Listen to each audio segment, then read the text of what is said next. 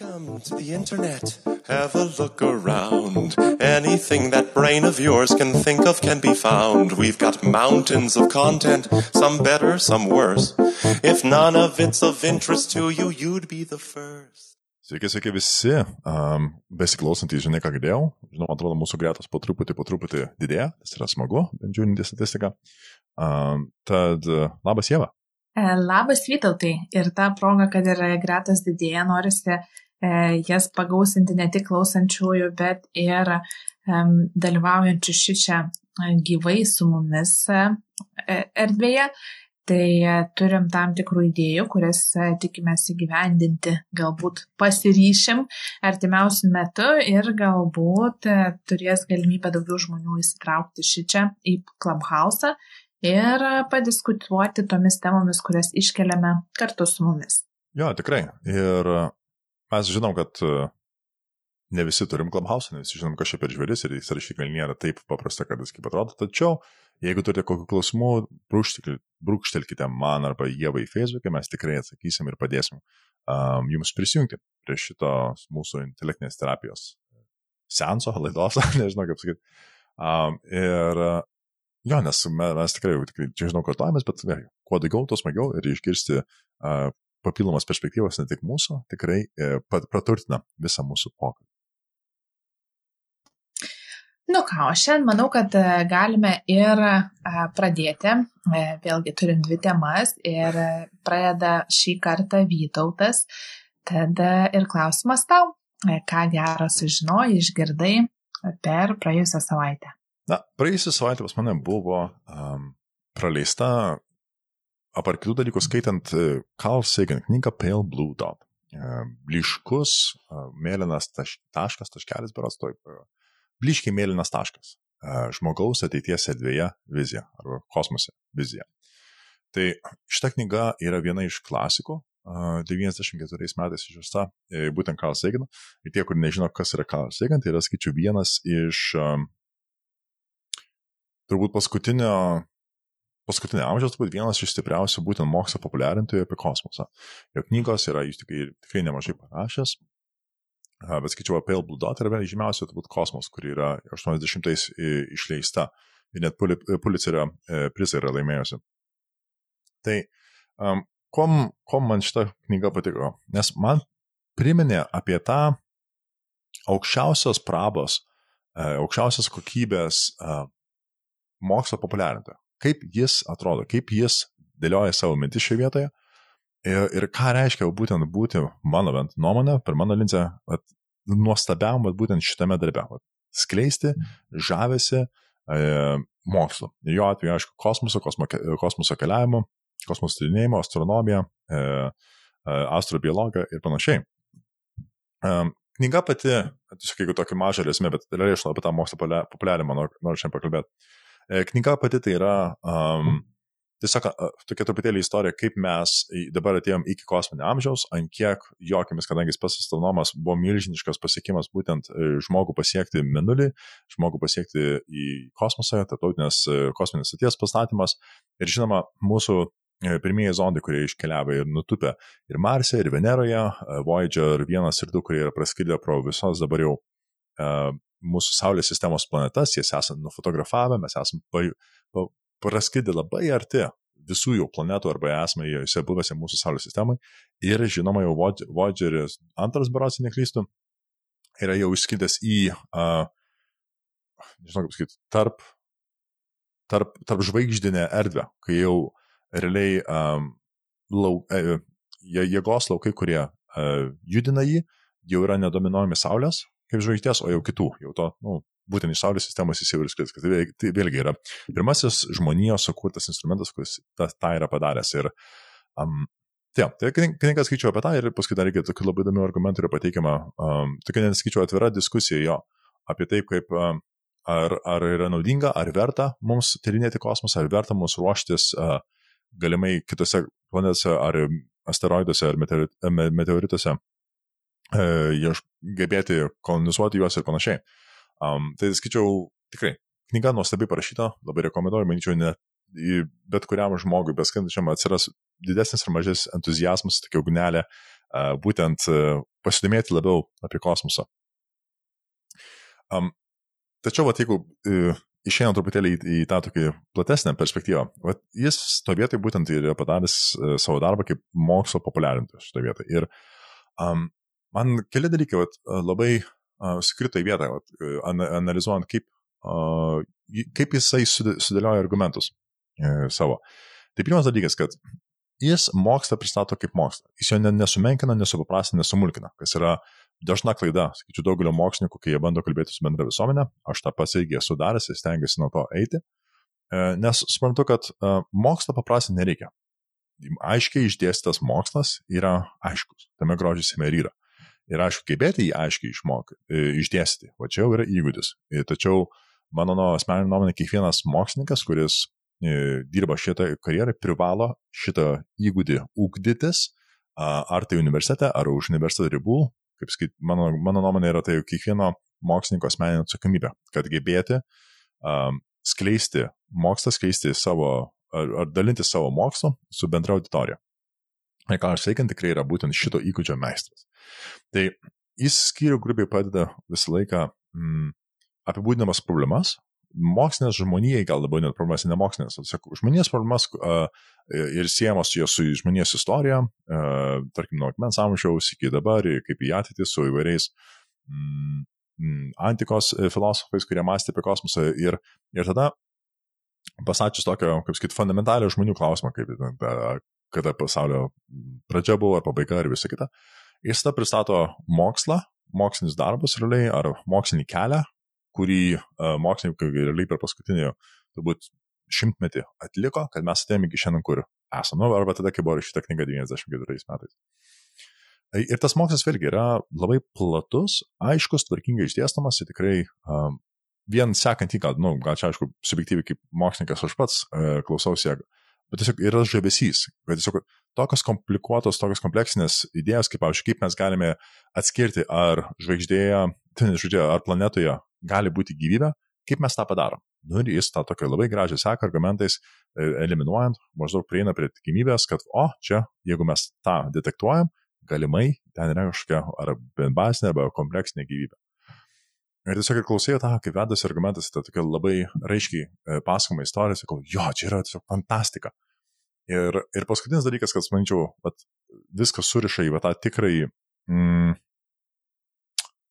nežinau, tą Tour de Force, kuris, manyčiau, jis yra būtent kaip e, mokslo populiarintojas, kad jis kiekvieną skyrių užbaigia tokia atvira diskusija ir pasidalinimu, kaip jis tą mato viziją einant į priekį. Nu, va, to nuoširdžiu entuzijazmu, kaip ateitis, jo optimistinės akimis, vedama mokslo, kaip jį gali gražiai atrodyti. Ir, ir va tas entuzijazmas, kadangi jis yra kiekvieną kartą paminėjęs, kaip būtent stipria, šilta, pozityvia emocija, tai ir tu iš, e, baigi tą skyrių toks pakelėtas. O jo, tai ne tik tais yra tiek nuostabiai fantastiškų dalykų vykstančių dabar ar jau vyko per paskutinį 50 metų, ir mes tą esam padarę, tą pasiekę, tą žinom, tą suprantam, bet ar ir ateitis atrodo, žinai, tokia, nu, pozityvi, superinė nusimato ir tiesiog, nu, gerai, nu, sakau, net gidžiu savo balsą entuzijazmas kyla. Kas man atrodo ir turėtų būti um, siekiamybė kiekvieno mokslininko, vat, ar, ar šitą receptą vadovautis, ar bent palikti klausytoją būtent su tą emociją. Ne tai, kad ten aš išklausiau kažkokios paskaitos, kad ten kažkas skaidrės nuskaitė, uh, lyg auditorijos nariai nemoka patys skaityti ir tada su monotonišku balsu paklausė, ar yra klausimų. Ne, o iš tikrųjų, vat, atsakyti klausimą, tai kodėl tai, ką tu dabar sakysi, kodėl tai yra svarbu, kodėl tau įdomu ir, ir tiesiog dalintis to būtent savo asmeniniu mm, entuzijazmu, savo asmeniniu aš susižavėjimo, jo būtent žavesiu savo mokslu, savo darbu, savo sritimi. Um, ir manyčiau, va čia yra va, tas labai um, teisingas receptas, kad aiškiai identifikuoji tą fundamentalią žmogų problemą, kurią mokslas bando sakyti, parodai nesumenkinant nei kiek mm, e, mokslinio darbo ir mokslinės analizės, kurį įėjo tą atsakymą e, atsakyti pilnai ar dalinai, ar iki progreso, kurį dabar mes esam pasiekę. Ir tai būtent palikti savo tą viziją su ta, uh, su to, kaip ir kel, kelrodė žvaigždė, čia tai aišku tinkama metafora, uh, kur mes einam, ko mes siekiam ir ką galim pasiekti nuo to, kaip pasikoja. Ir, ir būtent palikti savo pakilėtą pozityvę emociją. Tai manyčiau, čia yra labai, labai teisingas būdas tą daryti. Ir žinoma, uh, mąstant apie tai, aš to prisiminiau kitus mokslo populiarintojus, kurie turbūt, um, nu, irgi, mat, panašaus kalibro buvo. Tai buvo Richard Feynman, yra vienas iš tų, kur irgi 20 amžiaus pradžioj, kvantinės fizikos vienas yra iš tėvų, um, tačiau jis uh, irgi kaip dėstytojas, kaip uh, mokslo populiarintas, jis mažiau buvo mokslo populiarintas, bet bus, jis kaip, kaip dėstytojas, kuris irgi viešai su, bendro, su visuomenė gebėjo kalbėti uh, masiškai sudėtingomis temomis, ypatingai elegantiškai, raiškiai, um, paprastai visiems suprantamai ir, ir šmaikščiai. Bet jis turėjo labai labai gerą humoro jausmą. Ir net YouTube, jeigu ten įeini dabar pasižiūri Richardo Feynmano paskaitos, ir skaičiu vėlgi, čia yra vienas iš tokių mažai kam žinomų turbūt e, lobių, e, skaitmeninių lobių, kurie dabar yra išsaugoti, labai rekomenduoju pažiūrėti. Nes jo vėlgi, mm, jo atrodo kelias, kuris eina kartu su studentu, yra būtent žingidumo kelias. Jis nėra, kad jis aiškina kažkam, klausyk ten kvailelį, žiūrėk, aš tau parodysiu, kaip kažkas yra. Ne. Pasikalbant, yra pirma e, tas statusas, kad būti mes esame čia lygiai večiai, aš bandau pasidalinti tai, ką aš žinau, geriausiai kaip žinau ir maždaug prašau klausimus ir bandysim žiūrėti, kas išeina. Um, ir pasijau toks yra, kaip sakyti, at, atviras, uh, atviras dialogas, sakyčiau, net vyksta, kaip jis dėsto su savim, su auditorija, su pačia ta tema. Ir jis bando bekalbėdamas uh, ir tyrinėti ją ir bandyti ją aiškinti. Ir, ir aš spėju, kad kiekvieną kartą jis, kai net paskaitas tą pačią temą dėstė, jos truputėlį skiriasi, nes jos truputėlį buvo vėlgi geresnės, nes kiekvieną kartą jis ne tik, ten kažkokį pasirašęs tekstą atkartoja, bet jis jautėsi, kad būtent m, bando rasti geriausią būdą, kaip tą paaiškinti ir pats vis testuoja, ar jis supranta pakankamai, ar dar gali kažkaip geriau. Ir, ir skaičiu, va tas vėlgi palieka tokio mm, atviro atviro žingidumo jausmą, kai klausais jo. Nes galvoju, ha, va štai yra žmogus, kuris yra Nobelio premijos laureatas. Ir, ir jis mane kartu pasėmė iš šitą kelionę supratimo. Ir, ir kai kartu pasiema, tai tu labai ir noriai, ir imliai, ir atvirai nori suprasti, tada manyčiau, ne tik kaip būtent kažkas tau iš viršaus, iš viršaus aiškina, um, kaip, kaip ten kažką pasiekęs ir maždaug, kad sėkmytės suprasti. Um, jo, tai va čia tas dalykas. Ir Ir trečias dalykas, ką paskui pagalvojau, čia truputėlį lėčiasi su kitom temom, kur mes esam kalbėję, kad um, ant kiek vadinasi ir kalbos ališkumas, ir oratorika, aišku, bet ir kiek um, raštingumas realiai yra fundamentali, uh, fundamentalus įgūdis, kurį me, uh, mokslininkai privalo puoselėti. Kadangi vėlgi, um, ne tik tais mokslinio darbo rašymė, bet būtent gebėjime kalbėti su bendra visuomenė, tai yra įrankis, nuo kurio, nuo kurio aštrumo, nuo kurio nugalandinamo būtent priklauso, kaip tu gerai galėsi savo padaryti. Nes um, su ribotu žodynu. Yra žmonių, kurie tą gali padaryti, tikrai. Bet tada, mm, manyčiau, atsiranda papildoma rizika, kurios nereikia, kad tu tiesiog neturėsi žodžių, neturėsi gebėjimų, kaip um, rasti tuos žodžius, kuriais um, galėsi susijungti būtent su, su klausytoju kad galės identifikuoti, kurie žodžiai rezonuoja tiksliausiai su klausytoju, kad jūs kalbate viena kalba. Nes turbūt bet kokios komunikacijos būtent sėkmė ir uh, yra grįsta. Tai, kad mes kalbam tais pačiais žodžiais, kuriuos mes suprantame. Tas yra, nė, nėra tokio barjero vien iš kalbos pusės. Taip. Um, ir, ja, ir čia, čia gal užbaigiant, čia nežinau, net pagal laiką čia ilgai, neilgai, bet um, užbaigiant, man atrodo, gal yra paskatimas, aišku, mokslininkams, tai mano nuomonė čia nuoširdžiai visi mes turime tą daryti, uh, gebėti uh, nuoširdžiai, žingeidžiai, su entuzijazmu papasakoti, kodėl tai, ką mes darom, mums yra įdomu, mums tai yra žavinga, mus tai traukia, kodėl mes to norim dalintis, šitos klausimus, manyčiau, mes privalome gebėti atsakyti. Bet taip pat ir šitą vat, oratorikos įgūdį puoselėti. Nes aš žinau vien iš savo patirties, kad kartais, kai būna prasmingi truputėlį tokie bedugniai savo darbo, to, savo ten, to mažo, mažo pasaulėlio, kuriame tu bandai pajudinti žmonijos žinias į priekį. Um, kartais, sako, pasikalbėti su žmonėmis, kurie niekiek nėra susiję su tavo darbu, yra tiesiog atgaiva, nes tada supranti, kad, a, visą to, ką aš darau, yra svarbu. Arba yra įdomu, ne tik man, bet ir kitam žmogui. Ir, ir Ir va tas atspindys, tas rezonansas kito žmogaus akimis ar susidomėjimas, kurį jis ar jį išreiškia, kai tu nuoširdžiai papasako, ką tu darai, yra neapsakomai vertingas, sakyčiau. Bent iš mano patirties. Um, Bet vienintelis būdas įgauti, būtent gebėti, manyčiau, pasidalinti va tuo m, savo, nežinau, emociniu prisirišimu prie savo temos, savo, um, aš gal kartu sakau, savo, savo susižavėjimu, savo trauka uh, savo temai ir tada matysi, kad net ir žmogus, kuris visiškai niekad gyvenime nėra, nei mokėsi, tarkim, mano atveju fizikos ar matematikos, jie vis tiek gali suprasti, kodėl tai, ką tyrinėjo, yra įdomu. Ir tai jo, Tai ką čia taip? Tai jo, galvoju, kažką čia dar galiu gudraus užbaigti, bet manyčiau, this is the right way to stop it. ja. Man mokslinis, mokslo populiarinimas vis tai, buvo labai įdomi tema, nu, vien dėl to, kad, nu, visų pirma, dėl to, kad mokytis patinka, visų antra, kad tie, kurie e, yra geri E, mokslo populiarintojai, tie e, mokslininkai, kurie turi tą komunikacijos dovaną ir e, norą mokslų dalintis su kitais, jie sudaro galimybę tau sužinoti apie tas rytis, pažinti tas mokslo rytis, kurių, nu, kuriuose tu pats nesi. Ar tai būtų astronomija, ar fizika, ar tai būtų miego mokslas, ir, ir, ir panašiai, žodžiu, kad ir kas tai būtų istorija. E, tai labai labai mm, man ir pačiai aš turbūt mokymus vedu ar e, tas pats vat, podcastas, e, dėl ko aš čia esu, dėl to, kad man patinka dalintis. Savo žiniomis ir žiauriai fainas jausmas yra, kai matau, kad žmonės kažką supranta ir išsineša iš to, ką kalbu, o jeigu dar paskui ir tikrai, nu, gaunu ir iš jų pačių patvirtinimą, kad jie kažką gavo naudingo savo, nu tai būna žiauriai faina. Nu labai geras tos jausmas, tokio jaučia, jaučiuosi tada reikalinga ir, ir panašiai.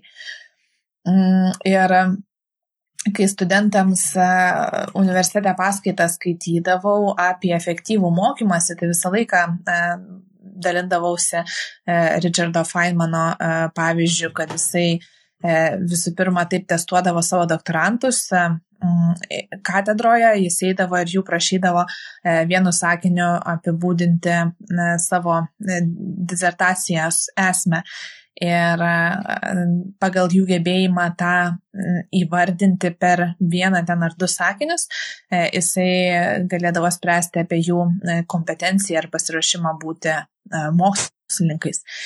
Tai ir tas pats jo mokymosi metodas, kurį jis propagavo ir siūlydavo savo studentams ir pats darydavo, tas metodas yra iš esmės toks, kad E, norėdamas kažką įsisavinti, e, pasiruoši tą papasakoti žmogui, kuris e, neturi nieko bendro su tavo sritimi. Ir tada tu jį pasisodini ir jam papasakoji ir e, žiūri, stebi jo reakcijas ir klausi, kas neaišku, ką supratai, ko nesupratai. E, užsirašai visus tuos klausimus, e, kuriuos tas žmogus tau uždavė ir tada grįžti atgal tai, ko tu nesugebėjai paaiškinti, jam ir tų klausimų, kuriuos nesugebėjai atsakyti, grįžti atgal prie knygų ir toliau mokaisi gilinės ir bandai suprasti. Tai Tai va, tai tikrai labai pritariu to, kad tam, kad e, ne tik mokslininkas, bet ir šiaip, bet kuris savo srities specialistas, jisai kompeti, jo kompetencija labai koreliuoja su jo gebėjimu paprastai paaiškinti apie tai, ką jisai daro e, žmogui su, tuo, su ta sritimi neturinčiam nieko bendro. Kam aš galbūt nu, drįščiau galbūt nesutikti, tai kad e, komunikuoti mokslą turėtų gebėti ir tos turėti viešo kalbėjimo gebėjimus e, e, turėtų turėti kiekvienas mokslininkas. Nes tikrai pažįstu, atsimenu ir savo nu, kursiokų tarpę tokių, kurie tikrai geri specialistai, jie gerai atlieka savo darbą, bet pastatyk juos ant scenos, tai galvoji, kenčia visi. ir tas pats, kuris ant scenos stovi, ir tie, kurie jo klauso. Ir ne veltui, manau, tai pačiam Didžiojo Britanijoje E, yra e, dviejų tipų, dabar galvoju, ar magistrė, ar doktorantūros, e, teaching ir research. Tai viena skirta dėstymui, kita skirta tyrimams. Nes tikrai, tikrai, tikrai yra taip, kad e, yra puikus, puikus mokslininkai, kurie um, geri mokslininkai, kurie daro tyrimus e, įspūdingus e, ir tenais gali save realizuoti. Ir yra tokių, kurie mm, galbūt prašiau, nu, galbūt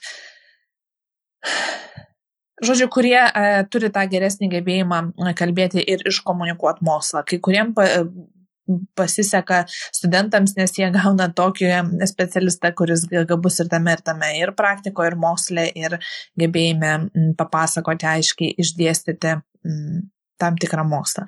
Tai va, tai, nu, aš gal, va, tą norėjau pasakyti, kad, nu, nebūtinai manau, kad e, turi kiekvienas mokslininkas e, gebėti daryti viską. Mhm. Okay. Aš tada pasipriešinsiu tavo pasipriešinimui.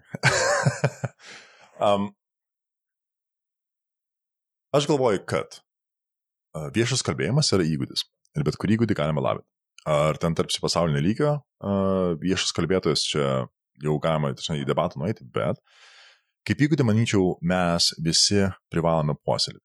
Ir čia net nėra, kad iš tos pusės maždaug um, vat, iš, iš mokslo populiarinimo ar, ar, ar, ar dėstytojimo. Elementariai.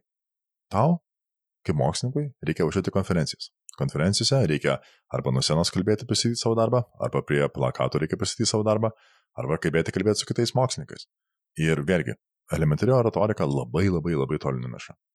Aš vienai buvau viena didžiausių mūsų srities konferencijų um, Belgijoje prieš eilę metų. Ir atsimenu, pirmą dieną buvo tiesiog keynote speakeriai, nu, vienas, kur visi turi valandą, tai yra, kaip sakyčiau, savo srities žvėris, dėdės ir tetos, kurie, kaip sakyčiau, uh, tranko pasaulį mokslinį savo darbais. Ir, ir aš vat, specialiai nutariau pabūti toks teisėjas savo akimis, vat, kaip aš įvertinčiau jų būtent oratorikos viešo kalbėjimo įgūdžius. Tai iš aštuonių keynote uh, um, pranešimų, tik vienas žmogus, kurį, sakyčiau, šimtuočiau šešis. Septynis gal. Meluoju, septynis gal. Visi kiti buvo ketvirkės, geriausiu atveju. Ir mane tas labai nuliūdino. Ir tada galvoju, net jeigu iš tokių žmonių dažnai nėra tikimasi, kad jis ar įgebėjęs ryšliai, įdomiai, nuoširdžiai pristatyti temą, kurią jis tyrinėja daug metų, tai, ką, tarsime, tai kokį pavyzdį yra rodoma likusiai bendruomeniai. Ir tada tas pats važiavimas į konferenciją, kurią ten daug kas moka, visus kelionės, viskas, dažnai kartelis, kurį tau reikia praeiti, kad tu net nuvažiuot kartais galėtum tampa absurdas, nes realiai pagrindinis dalykas, ko tu susirinkai išgirsti pranešimų, tampa liūdėsys, kai žmonės kau skaito tiesiog savo pranešimus, kad nieko nėra blogo, bet tiesiog, na, nu, vėlgi skaityti mes visi mokame, um, kiti tiesiog atsistoja, kad būtent kaip į katurgą atpoteriuoti savo kalbą ir tiek, nes tada e, geriausias tas tiesiog kaip pirmą klausimą gauna po savo pristatymą, visiškai viskas vyra į šipulius. Um, ir tiesiog iš vieno pasitanašio galima sakyti, tai čia nuo asmenybės priklauso, taip yra tiesa, daug yra toje vietoje priklauso nuo asmenybės. Tačiau taip pat yra įgūdis, kurį galima lavinti. Ir minimalų bent penketą uh, iš dešimt viešo kalbėjimo mes visi, manyčiau, tikrai galim turėti, privalom turėti. Į vieną iš savo karjeros pusės. Jau čia net nekalbant apie būtent bendravimą su visa visuomenė. Kitas dalykas, jog aš supratau, kad šito įgūdžio, bent nu, per mano uh, karjerą, nei bakalaurą, nei doktorantūrai, nei postdoktoraliai nelabai buvo galimybių, apart, va, kur nuvažiuoja arba savo iniciatyvą labinėsi, labintis. Ir čia mano, mano galvo, tai yra viena iš fundamentalių klaidų, bet Didžioji Britanija pagalėjo sistemą. Nes mano nuomonė, būtent visi doktorantai privalo e, turėti kažkokius bent apmokymus, būtent oratorikos didesnius, mažesnius, ir pri, privalo pro tą praeiti. Tikrai, mano čia yra nuoširdus įsitikinimas ir daug apie tai mąstant, kokią naudą paskui neša ne tik tais visai moksliniai bendruomeniai, bet ir pačiam individui galų gale. O dabar ypatingai, kai štai jeigu lavintis yra tiek daug įvairiausių galimybių, o ką mes dabar darome, skaičiu, yra būtent to viešo kalbėjimo e, lavinimas ir galimybė. Kiek yra įvairiausių paskaitų, apmokymų, ir mokamų, ir nemokamų, internete, linktinė, tas YouTube, linktinė, kur, kur tik pažiūrėsi. Um, kiek kursų yra viešų įvairių, um, tas um, Toastmasters yra programos. Nu, tik tais eik ir daryk realiai.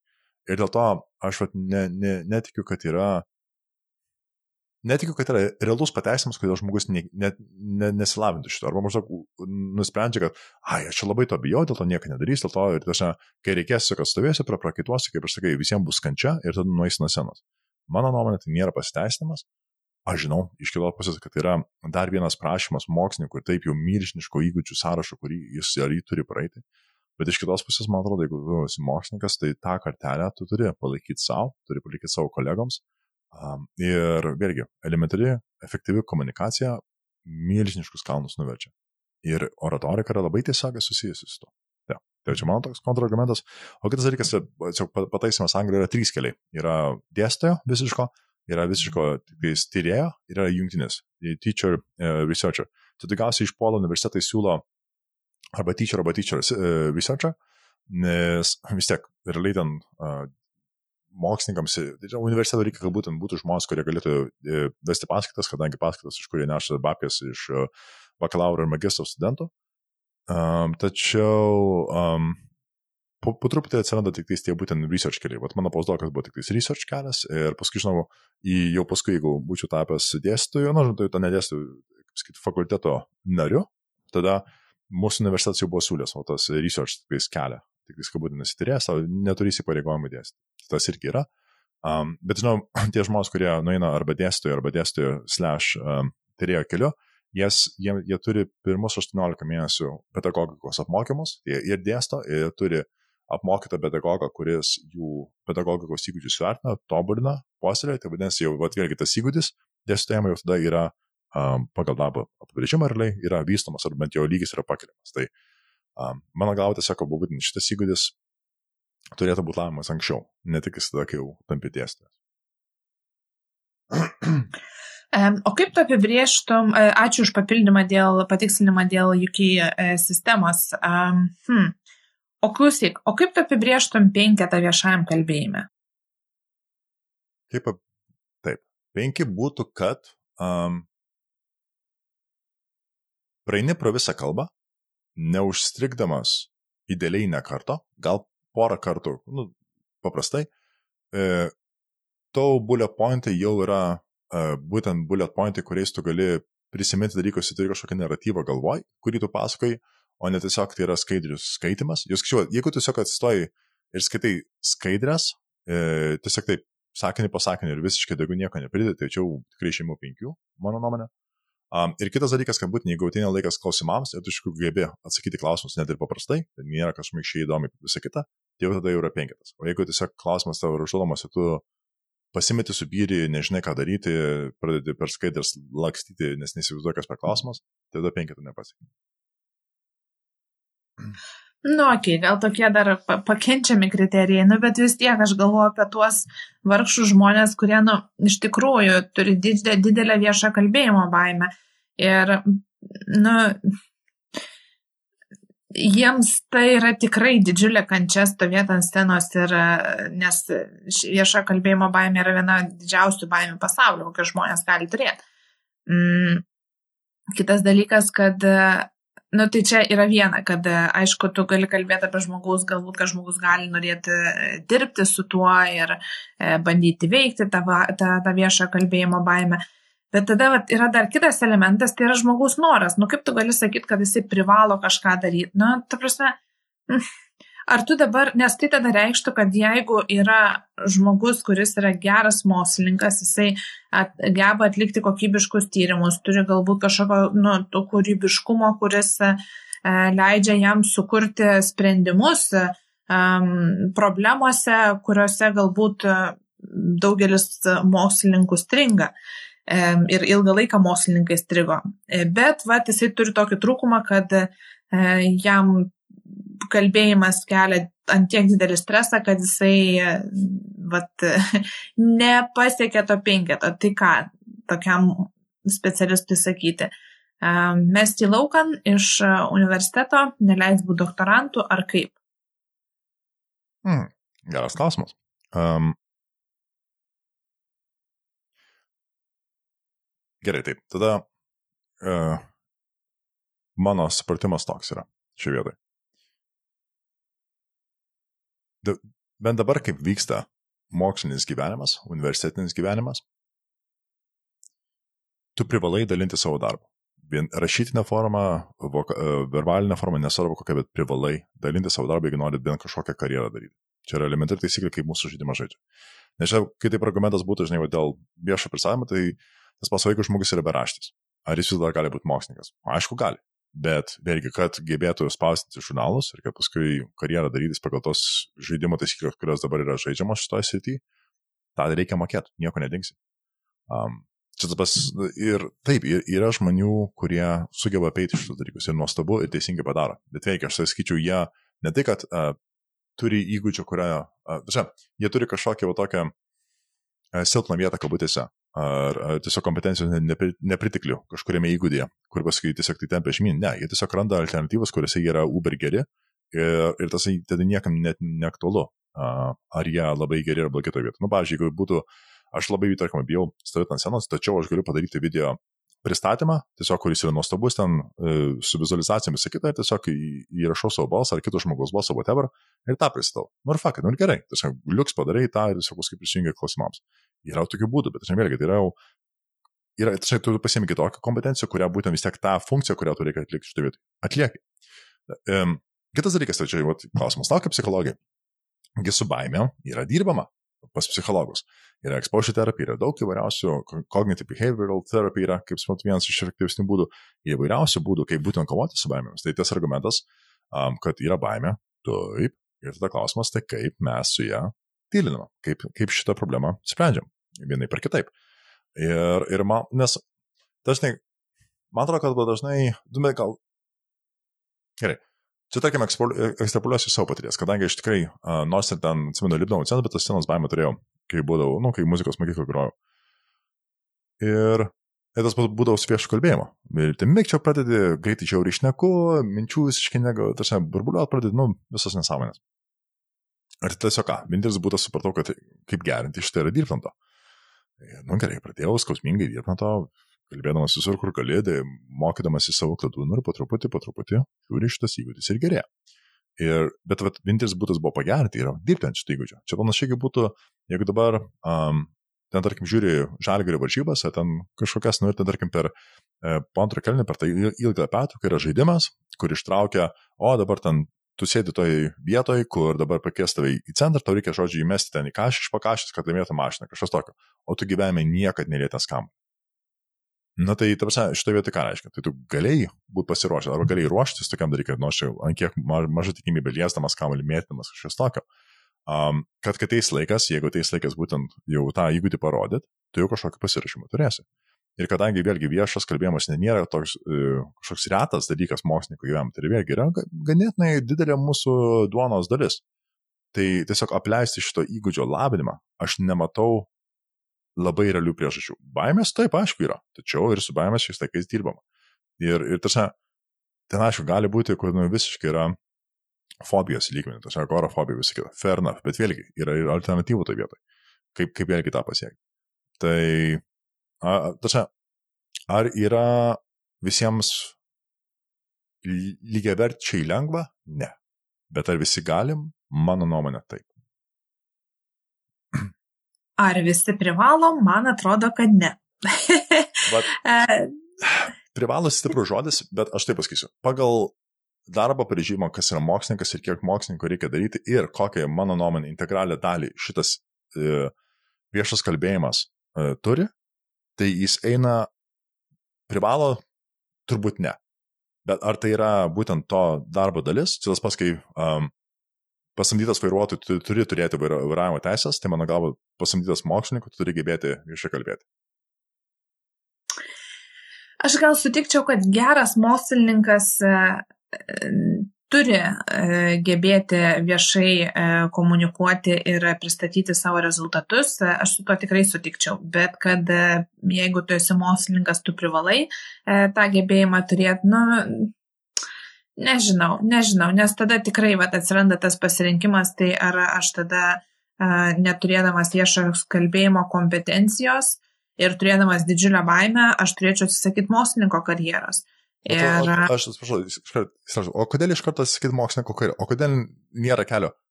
Aš turiu milžinišką baimę, dabar mano darbas, mano meilė ir mano atsidavimas prašo, kad aš tai įgūdį tobulinčiau, tad aš įdėsiu pastangas, kad įgerinčiau. Kodėl va, šitas kelias iš karto uždaromas, man aišku. Ne, tai aišku, kad jisai neuždaromas ir aš tai visiškai sutinku, kad yra ir būdų dirbti su viešojo kalbėjimo baime, tikrai jų yra. E, bet e, tas darbas, jisai reikalauja energijos ir, na, kartais žmonės pasirenka tą energiją kažkam kitam skirti e, negu tvarkymas su kažkokiam kitom problemom, kitos problemos būna tame gyvenimo etape svarbesnės negu viešo kalbėjimo baime. Na, tai nežinau, man e, toks e, apskritai labai nepatinka žodis e, privalo, nes jis toks labai, na, galbūt prieš autonomiją kaip vieną iš bazinių žmonių poreikių kerta ir čia gal mano, man asmeniniam vertybėm labai prieštarauja. Tai dėl to aš turbūt to žodžio vengčiau. Bet kad geras mokslininkas na, jeigu tu nori būti geru mokslininku ir turėti va, tą pateisintą apibrėžimą, e, tai kad tada viešasis kalbėjimas yra viena iš tų kompetencijų, kurią turėtum turėti, tai sutinku. Bet tai nėra absoliutu, kad arba tu um, viešai kalbė, jeigu tu mokslininkas, tai tu privalai viešai kalbėti ir kitaip tu nebūsi mokslininku ir tau negalima būti mokslininku, tai aš su to nesutinku. Tai, na, tai jo, bet čia, žinai, čia kalba turbūt mano labiau vertybės negu šiuo atveju negu kad žinios. Mhm, gerai, fair enough, sutinku. Um, jo, jo, tarpšan, nelabai ne, ne, ne, turiu ką daugiau pridėti, manyčiau. O algud mano galvoje. tai tada gal judam prie taviškės temos jau. Tai ką tu praeitą savaitę girdėjai? Šiaip tai gana jokinga, nes mano, na, labai aš svaršiau, apie ką šiandien šnekėti ir e, iki galo turbūt dar šią akimirką nesu apsisprendusi, bet mano viena iš tų temų, kurią svaršiau tu pačią pirmąją, tai buvo apie privalėjimą. Ir labai jokinga, kad čia kažkaip mūsų tas pokalbis išsirituliojo apie tai, e, kalbant apie mokslininkus e, ir viešai kalbėjimą.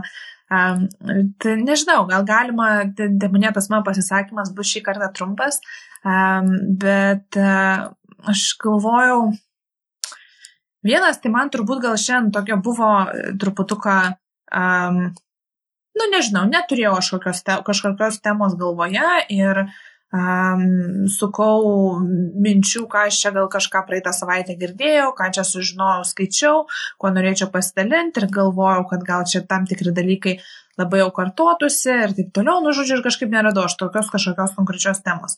Ir šiaip kažkokio labai didelio entuzijazmo šiandien vat netriškau. Ir tu galvoju, kodėl aš privalau dabar kažką čia dabar daryti. E, ašgi tą, tam podcast'e esu ne dėl to, kad aš, e, nu nežinau, kažkoks kažko čia yra įsipareigojimas, na, aš turiu tam tikras mm, asmeninės motivacijas, tikslus ir tas kažkaip mane perved, privedė prie nu, tokios platesnės galbūt pamastymo pla, plačiau. Um, kad ir savo e, pasisakymuose neretai, nu, gal to ir kažkiek tikimas iš psichologo, dalinuosi kažkokiais patarimais, va, tenais, kad būtumėt laimingesni, darykit taip, kad ten e, mažiau streso būtų, darykit taip. Ir kai pagalvoju apie tą žmogų iš e, kuris klausosi ir kuris e, priminėja visą tą informaciją ne tik iš mūsų su tavim, bet ir e, iš kitų, e, na, vargšas jisai antiek yra užbombarduotas visokiais patarimais, kaip čia geriau gyventi, kad, na, labai lengva pasimesti, ko čia dabar klausyti. Ir e, visai tada man tos būna suprantamas e, pasipiktinimas tų, kurie ten visai pa, engia tuos e, mokytojus ir įkvėpėjus, guru ir, ir, žodžiu, jau paskui tenais į tą katilą patenka visi, skaitant ir E, mokslininkus psichologus, kuri, kad čia, kodėl čia man kažkas aiškina, kaip aš čia turėčiau daryti taip ar kitaip. Ir e, man atrodo, kad kartais tikrai mm, tie visi patarimai, jie tarsi um, suteikia bent kažką, už ko gali užsikabinti, kai yra kažkokia problema ir turbūt į tos patarimus uh, užsikabini už jų tada, kada turi kažkokią problemą. Bet tai yra labiau kaip tokia variantai, biblioteka, iš kurios galima rinktis. Ir kartais galima pasirinkti, visada galima pasirinkti ne vieno iš jų neklausyti ir e, klausyti savęs. Tai e, čia yra vienas elementas, kad nu, tai, kad kažkas e, patarė ir e, sako, kad va čia yra geriausias būdas ten numesti svorio, čia yra geriausias būdas e, būti laimingu, čia geriausias būdas nusiraminti e, ir taip toliau. Tai, na, kiekvienas kalba specialistas e, pagal tą religiją, e, kabutėse sakau, religiją, kurią tiki. E, ir e, kurios e, galbūt domėjosi, tyrimus skaitė, o galbūt jam pačiam tas labai padėjo ir tada jisai visiems savo, kad bet jūs darykit tai, nes jums tas labai padėjo. Šiandien skaičiau vieną straipsnį apie vyruką, kuris per dieną e, metus laiko išgerdavo po berots, nu, ten nes, nes, nesvietišką kiekį vandens.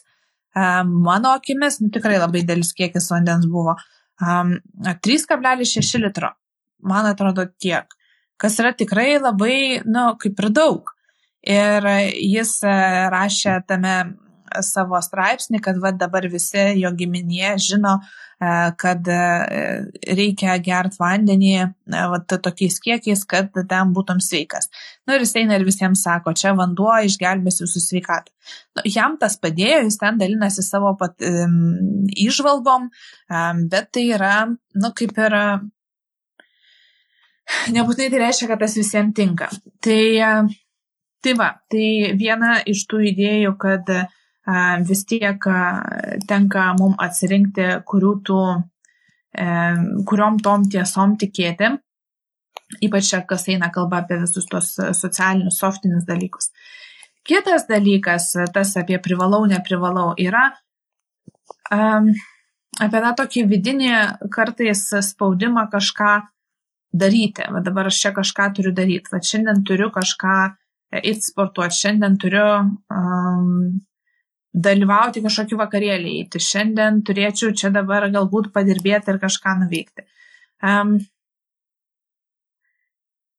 man atrodo, kad kartais mes uh, iš tos to, paskendę toje visoje informacijoje pamirštam paklausti savęs, o ko aš iš tikrųjų šią akimirką noriu, ko man šiandien reikia. Ir galbūt šiandien tas dalykas, kurio man reikia, tai tiesiog atsisėsti ir į sieną pažiūrėti. Ir uh, aišku, man, kai galvoju apie šitą va, tas privalau ir kad e, perduoti tą žinutę, kad galbūt nu, mes niekas nieko neprivalom ir esam laisvi e, apsispręsti ir galbūt reikėtų dažniau e, paklausyti savo intuicijos ir savo balso savęs paklausti, ko aš šią akimirką noriu, ko aš šią akimirką labiausiai trokštų. Tai man tada iškilo prisiminimas, kai su vienu filosofu, man atrodo, E, filosofijos studentų dar tuo metu, kai pati buvau studentė, e, diskutavau ir kažką apie kažkokią mes irgi ten e, teoriją kalbėjomės, žodžiu, perfrazuojant dabartiniai situacijai, jo mintis būtų ta, na, bet tu dabar sakydama, kad niekas nieko neprivalo, tam tikrą prasme irgi sakai žmonėms, ką jie privalo daryti. tai yra jo nieko neprivalėti. Tai va, nu tai gal ir uh, kažkas irgi pasirinks ir klausydami, kad čia yra uh, bullshitas ir uh, yra tam tikri dalykai, kurie yra privalomi ir su kuriais jūs apsisprendę esat visgi klausyti, kad tiesiog reikia, o net jeigu tą akimirką galbūt to nesinori. Ir turbūt prieš tai vykusi mūsų su Vytauto diskusija kaip tik tą ir pasakė, mm, kad kartais tai yra vertybių klausimas arba kažkokių įsitikinimų e, ir kartais tam tikriems žmonėms arba kiekvienam iš mūsų tam tikrose situacijose visgi mm, atrodo, kad reikia, yra tas žodis, kurį e, savo reikėtų pasakyti. Tai va, tai nežinau, mano tokios galbūt šį kartą pakankamai padrikos mintys mm, apie tai, ką gyvenime mes privalom, ko neprivalom. Ir e, apskritai, kad e, kartais galima ir tiesiog e, paklausti, ko aš šią akimirką noriu, ko man šią akimirką reikia, net jeigu tai yra vidurys paskaitos labai labai rimto mokslininko ir iš pagarbos kaip ir, nu, nelabai norėtųsi čia jam jį kažkaip įžeisti ir išeiti, bet jums baisiai, baisiai nuobodu ir jaučiat, kad labai labai gaišta savo laiką. Tai gal kartais galima tikrai atsistoti ir labai labai tyliai, bet pasišalinti iš tos paskaitos. Taip galbūt skiriant tą laiką kažkam, kur daugiau duosite naudos savo ir galbūt pasauliui.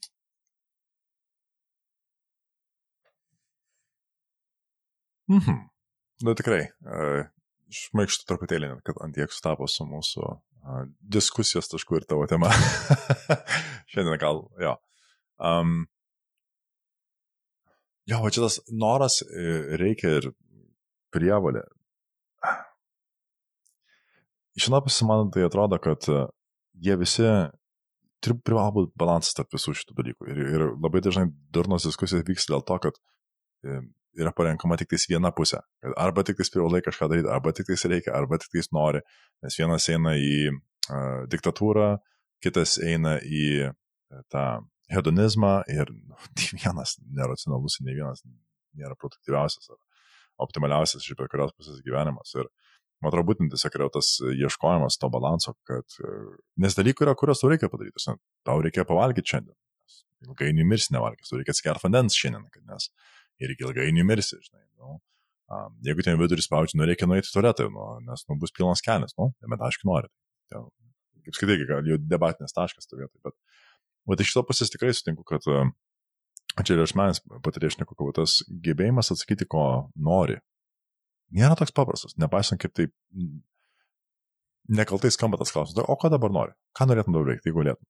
Ir aš dažnai randu save tiesiog užstringant, truputėlį šitą klausimą savo užduodant. Nu, dabar treniruojasi, kad uh, vis gebėčiau geriau atsakyti, bet um, kadangi gyvename um, dėl įvairių patirčių, įvairių aplinkybių, pas mane labiau buvo būtent išgyvenimo mentalitetas ir išgyvenimo paradigma įvairiose situacijose. O kai reikia išgyventi, tai tai jau darai dalykus, kuriuos tau reikia daryti, o ne kuriuos nori. Nes dalykams, kurie nori, dažnai būna nelieka vietos.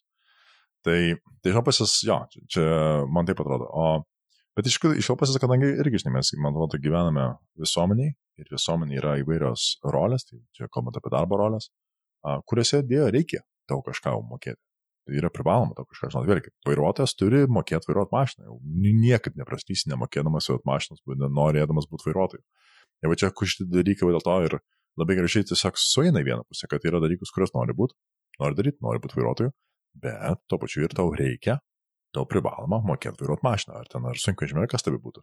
Ir dėl to, vat, šitas diskusijas, man atrodo, turi būti, būtent ieškoma tas racionalus balansas tarp, kur um, tos, lai, ta laisvė ir norai pasirinkti, ką tu ilgiesi, kaip ilgiesi, visa kita, turi būti gerbiama, bet lygiai taip pat ir reikalavimai, kompetencijos, tarkim, vėlgi, skambant, jeigu kalbant apie darbą, ir šitą, bet, nu, skobairuotas, kaip pavyzdys, elementariausias, man šovina galva, turi būti irgi palaikoma, um, nes, kaip sakyt, tu gali norėti kiek tik nori, bet jeigu tau reikia pervežti uh, fūrą su, uh, nežinau, stikliniais indais ir tu niekada nesi fūros vairavęs, nu, tai sėkmytės įvykdyti tą darbą sėkmingai. Bet čia gal ir yra biškė, na, tas tam, tai, ką tu sakai, neprieštarauja. Nes, nu, kai, kai tu kalbėjai apie tą alkį, troškulį, poreikį nueiti į tualetą, nu, čia yra tokie instinktyvūs dalykai, kur nu, jie aišku kartais sutrinka, būna žmonės, kad e, jiems reikia pavalgyti, bet jie nevalgo. E, ir tai yra jau e, sutrikimo ligmuo, e, valgymo sutrikimai. Bet bendrai tai tu, nu, nori, nenori, jeigu tave spaudžia į tūliką, tai tu eisi į tūliką, jau tada tas pavirs noru kažkokiu. Um, o jeigu ne, tai tada, nu, tokį, būna atveju, kad tai nevirsta e, noru, bet e, tai jau dažniausiai mes kalbame apie sutrikimą. Um, o dabar apie tas visus, apie vairavimą, na, to vairavimo pavyzdį, tai e, jo, mes kalbam labiau ne apie tai, apie sąlygas, kokiamis tu gali tam tikrus dalykus daryti, bet gal labiau apie tą asmeninę, vat, nu, ko aš e, noriu. Ir jeigu aš noriu būti vairuotoju, nu, tai yra tam tikros sąlygos ir e, čia gal, aišku, su tuo, nu, su savo norų paisimu ateina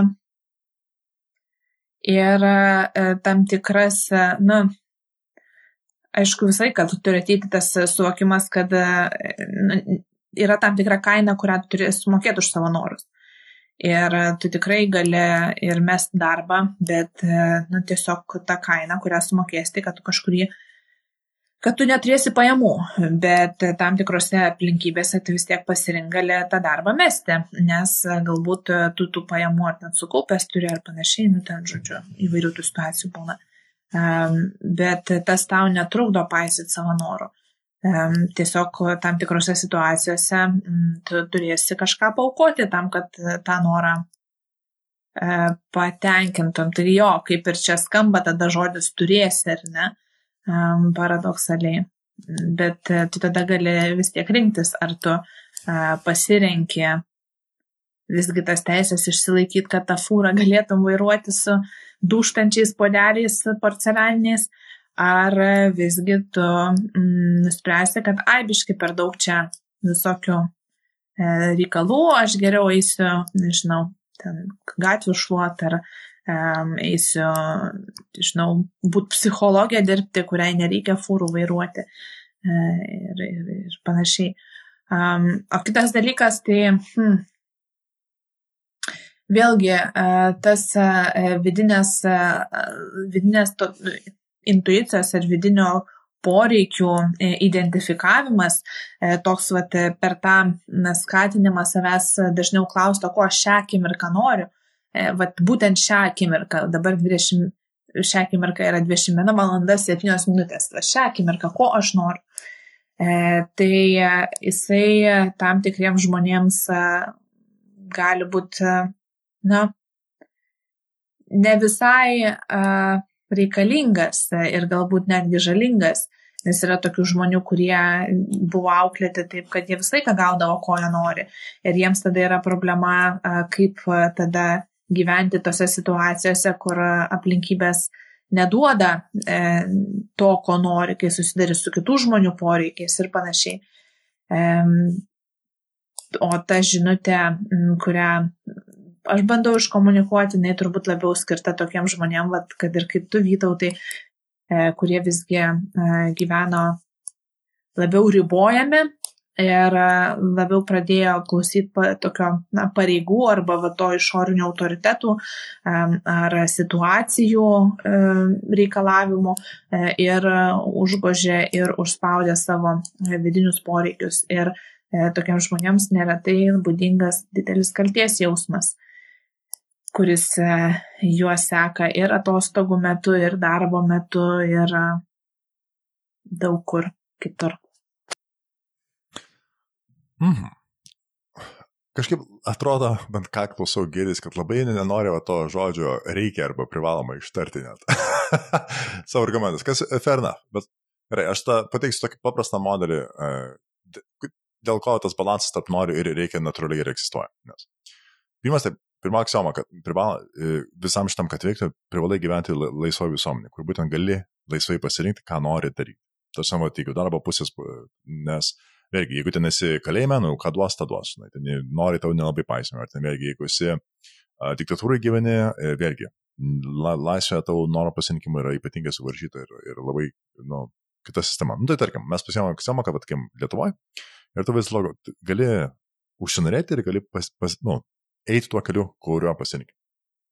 Ir tai va čia antras žingsnis, tai pirmas yra laisvė, antras noras, Ir tada trečias, kad vat, tą savo norą pasiekti, priklausomai koks tas noras, didelis, mažas, e, specifinis ar koks tai būtų. Nes jeigu, pavyzdžiui, ten tiesiog nori e, išeiti lauko, tu ten stovi prie durų, nu, tai, sakyt, ką, reikia atsidaryti duris, aišku, vėlgi. Bet ir tada tai trečias dalykas, atsiranda sąlygos ar sąlygų sąrašas, kurias tu reikia įvykdyti, kad tą norą patenkintų. Tas sąrašas yra tai sakau, gali būti toks pat banalus, kaip tiesiog reikia atsidaryti duris, kad išeitum į lauką, ar Tai gali būti, kad būtent reikia įsilaikyti teisės, kad galėtum vairuoti fūrą. E, aš sunku išmeti, atsiprašau, su, su, su tais paseneliniais padukais. E, ir tada, ir, ir viskas šitas va taip gražiai eina kartu. Ir, ir aš nematau, kodėl mm, to, tos kažkaip priešpriešos aš jas nematau, nes tiesiog yra nu, skirtingos stadijos šito viso proceso.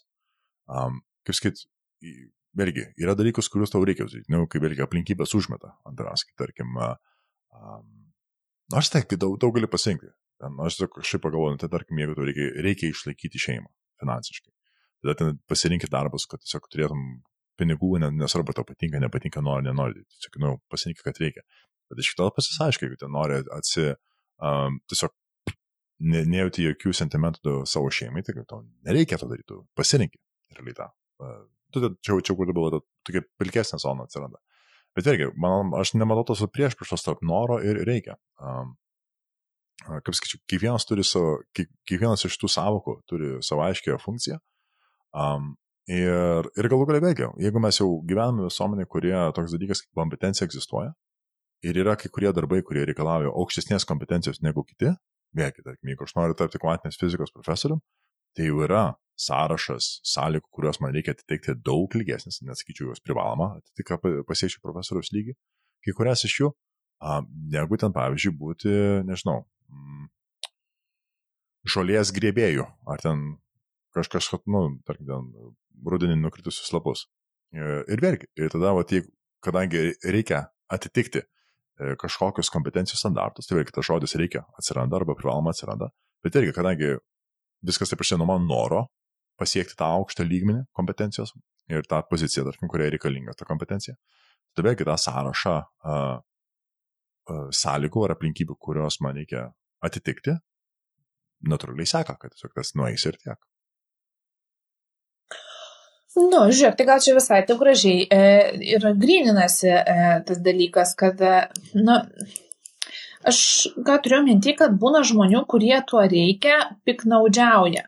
Ir jie tą daro nesąmoningai, bet jie piknaudžiauja arba santyki su savimi, kad tik tai reikia, reikia, reikia ir tada prisivaro save prie perdengimo ar depresijos. Kitas variantas yra e, su kaip piknaudžiauja su reikia kitų žmonių atžvilgių. Kad kiti žmonės e, turi elgtis vienai par kitaip, privalo būti tokie ir tokie, privalo daryti taip ir taip. Kas tada neretai e, gali sukelti konfliktų, e, bet aš neturiu mintyje tavo pavyzdžio, kur mes kalbėjome apie mokslininkus. Labiau kaip, nu, privalo elgtis kažkokiu būdu, kuris, vat, galbūt nu, artimas man, bet vat, kitas žmogus ten tam tikrų taisyklių nepaiso, aš naudoju pavyzdį su vėlavimu, kad nu, jis privalo nevėluoti. E, ir šita taisyklė dažnai skamba e, tose situacijose, kai susidurėm, kai yra kažkoks vat, žmogus, kuris labai dažnai vėluoja ir tada mus erzina. Nu, tai tada irgi toks yra arba konfliktams pasmerkė, arba tas pradeda trukdyti, arba um, tavo, nu, emociniai geroviai tą vakarą, kitas, kas kartą kitas žmogus vėluoja. Um, bet vat, tada ta formulė yra, e, tas reikia, viskas su juo yra ok, kai jisai tarnauja kažkokiam galbūt norui. Aš noriu ten, tarkim, um, nežinau, noriu būti, prisidėti prie šalies, kovojimų šalies laisvę, dėl to uh, stoju į armiją. Um, aš uh, noriu būti e, gerų mokslininkų ir e, todėl aš dirbsiu su savo viešojo kalbėjimo baime tam, kad galėčiau e, tą mokslą populiarinti studentams jaunai kartai. Tai gal tada taip galima apie tą kalbėti ir taip, nu, išgrininti, kada tas reikia, koks yra tas santykis tarp reikia ir noro, noriu. Mhm, jo, sutinku, nes, sakau, pagal tą mano kol kas paprasčiausią algoritmą, kokį sugalvoja, kad būtent turi norą, kaip ir sakiau, tai nori tapti mokslininku. Ir tada žiūri, o ko man reikia, kad, tapčiau, kad, kad galėčiau tapti mokslininku. Ne? Ir tas sąrašas, sąrašas, sąrašas, noriu, tarkim, pagal šiandienos mano uh, pasiūlymą, reikia gebėti neblogai, net nesakyčiau, kad gerai, neblogai kalbėti viešai. Reikia. Ir tada jūs seka, ką tu sakai, žinai, aha, kadangi to reikia ir aš noriu būti mokslininku, tada aš nusprendžiu, kad aš dirbsiu ant, jo, ant, ant to įgūdžio ieškosiu būdų, kaip jį gali pasigerinti, jeigu aš manau, kad aš nesu tame lygmenį, reik, kurį reikia, ar rekomenduojam, ar, na, nu, jau čia atsiranda tiesiog tie lengvas žodžių žaidimas, sakyčiau, šitą vietą. Bet kitas dalykas, kas manyčiau, ką tu e, ką tik pasakai, yra didžiulis skirtumas, kaip būtent šit, šitas algoritmas veikia mano vieno asmeniniam gyvenime ir sprendimų priimime ir kai šitą bandai pritaikyti kitų žmonių atžvilgių. Vėlgi, kai savo kažkokius e, reiklumus užmetė ant kito žmogus, kad man iš tavęs reikia to, arba tu turi tai daryti, nes man to reikia. Ir, ir va čia. Ir tada toks atsiranda, um, kaip sakyti, atsiranda rizika nedekvatumui, man atrodo, nes kitas žmogus gali labai teisingai atsakyti, nu ir tau čia tau reikia, ne man. Ta dažnai būna girdi. Man atrodo tiesiog, kad prieš dedant reikalavimus ant kito žmogaus, nesvarbu, kas jis būtų, ar ten tavo uh, brolis, sesė, partneris, mama, tėtis, darbu, kolega, darb, darbdavys ar kas tai bebūtų. Manyčiau, tas elementarus kuklumas, tas nuolankumas, tai angliškai humility, yra tas, tas įgūdis, nežinau, savybė, kurią turbūt reikėtų uh, pasipuoselėti. Uh, nes uh, aš žinau, kad čia kartais turbūt yra skamba, kaip aš siūlau, kaip žmonėms gyventi, bet tikrai nuoširdžiai aš nežinau, kaip reikia gyventi. Ir visą, visą laiką, čia prie mūsų, nežinau, kiek laidų, pamečiu skaičių, um, aš tiesiog nuoširdžiai dalinuosi to, tos dienos savo minčių proceso, kaip aš manau šiuo metu man yra geriausia gyventi, arba kas yra logiškiausia, einant į priekį. Um, ar, tai, ar tai galiu tada ekstrapoliuoti, kad ir kitiems žmonėms tiks? Ne. Net neįsivaizduoju kitiems tiks. Nes neįsivaizduoju kito žmogaus nei sąlygų, nei psichologinių, nei finansinių, nei socialinių. Visų nežinau. Um, bet ką žinau, kad aš bent galiu uh, būtent, vėlgi turbūt apsibrėžti kažkokį norą, kažkokį siekį, tarkim, jeigu vėlgi apie šiandienos temą aš nekam, noras mano siekis, kad aš būčiau ger, kuo geresnis mokslininkas. Um, ir tada, irgi, kas mano nuomonė yra reikalinga, kad tą pasiekti, va, tarkim, irgi viešas kalbėjimas ir vienas iš tų įgūdžių, kuris privalo būti puoselėjimas, mano nuomonė, bet gal tas taip, mano savo standartą už, užsikeliu. Ir žinau, taip, ten būna apibendrinimų dedu, bet nes nuoširdžiai galvoju, kad um, ir bent savo turiu argumentų, kodėl, mm, kaip sakyti, kodėl tokį pasiūlymą būtų naudinga, ar, ar kodėl siūlau ekstrapoliuoti į didesnę masę, kažkokią e, specifinę, tas, nu, nišinę iš dalies, tą turiu menį.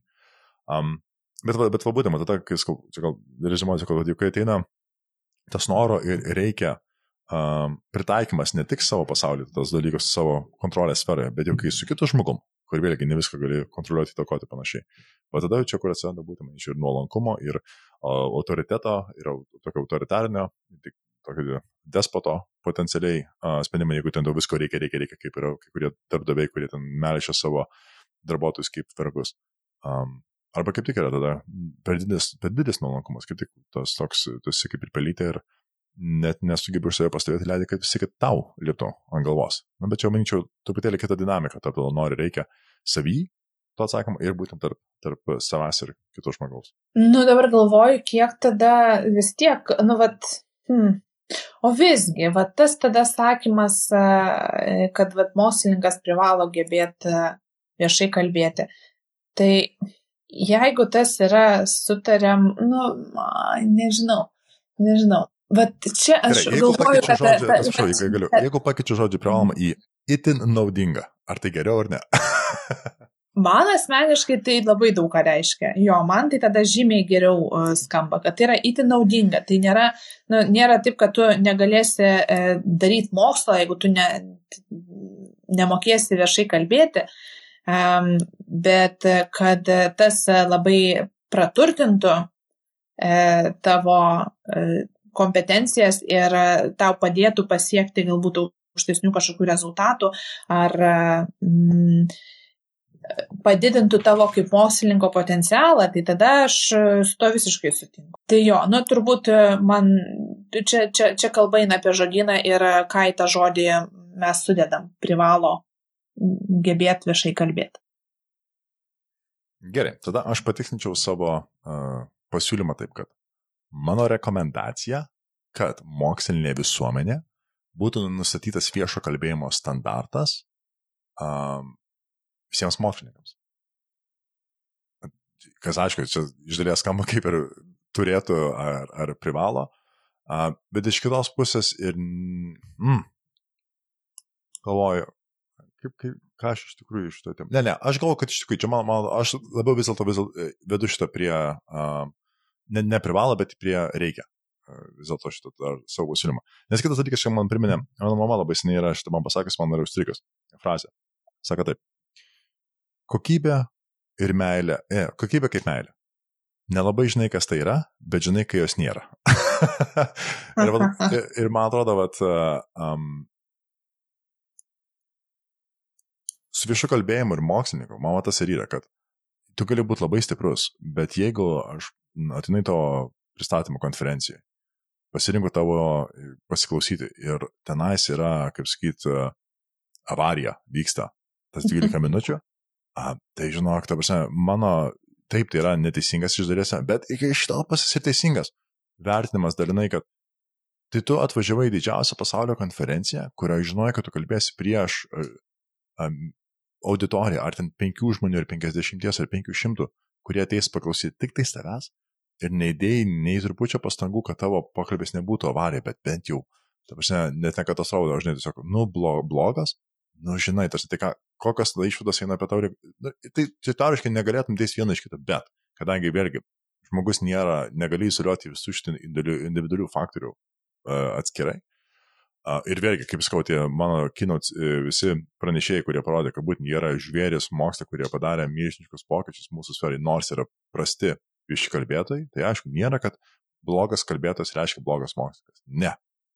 Tačiau, turint gerą ne, ne, ne gerą, neblogą viešo kalbėjimo įgūdį, visas, vis, visos mūsų mokslinės bendruomenės uh, standartas kyla ir kyla kokybiškai į priekį. Ir tai, manyčiau, tik tais padės ir kolaboracijoms, ir tai padeda galų galiai įsigilinti pačiam savo mintis. Tai galų, nu, čia, čia vėl savo tiradą pradėčiau, bet uh, vis tiek mano, mano nuomonė, kad yra daug naudingesnis dalykas, negu jo vengti, neturėti ar rasti pateisinimą, kodėl šito dalyko nereikia daryti. Jo, jo, tai tu, tikrai sutinku. Ir e, netgi kalbant, e, yra va ta kita sritis dėstytojai. Vat kai dėstytojai nemoka viešai kalbėti, tai va čia yra tragedija. Ir kaip galima, ir čia aišku gali būti ir sistemos bėda, kai e, verčia dėstyti tuos, kurie tam tikrai neturi kompetencijų ir neturi jokio noro tų kompetencijų įgyti. Arba čia yra, nežinau, pačių galbūt Nu ne, nes paprastai tie, kurie nori būti dėstytojais, tai jie paprastai įdeda ir pastangų būti gerais dėstytojais, įskaitant viešą kalbėjimo kompetenciją. Jo, jo, tikrai sutinku. Ir tai va, nu tai ką, skamba kaip ir radom bendrą kalbą, padėjom pasigryninti savo mintis. Labai labai liuks. Ačiū tau, Jeva. Nu, klausyk, Vytau, tai man atrodo, jau čia kelinta, man atrodo, ar antra ar trečia laida, kai mes kažkaip e, pradedam leisti ir nesutarti vienas su kitu, matyt, e, taip vadinamą tą minkštąją e, žargonų, sakant, meškiukų fazę mes praėjom. Tai jau panašu, kad bus ir tų tokių biški intensyvesnių diskusijų, kur nebūtinai sutiksim vienas su kitu. Kas visai smagu. Tai ačiū ir tau šiandien ir už pagalbą išsigryninant mintis. E, ir už pokalbį ir pasidalinimą. Tikrai. Tokie intelektiniai, net nesakyčiau konfliktai, bet uh, sparingas, intelektinis sparingas tikrai yra smagu, faina ir, žinai, jeigu abi pusės geba tik palikti tai racionalų žaidimą, o ne, ne nesužadinant savyje ar kitame žmoguje emocijų, tada šitas tikrai, tikrai yra smagu. tai tada ačiū dar kartelį, tikiuosi klausytams irgi patiko ir tada iki kito karto. Iki. To live in the world to get to the truth.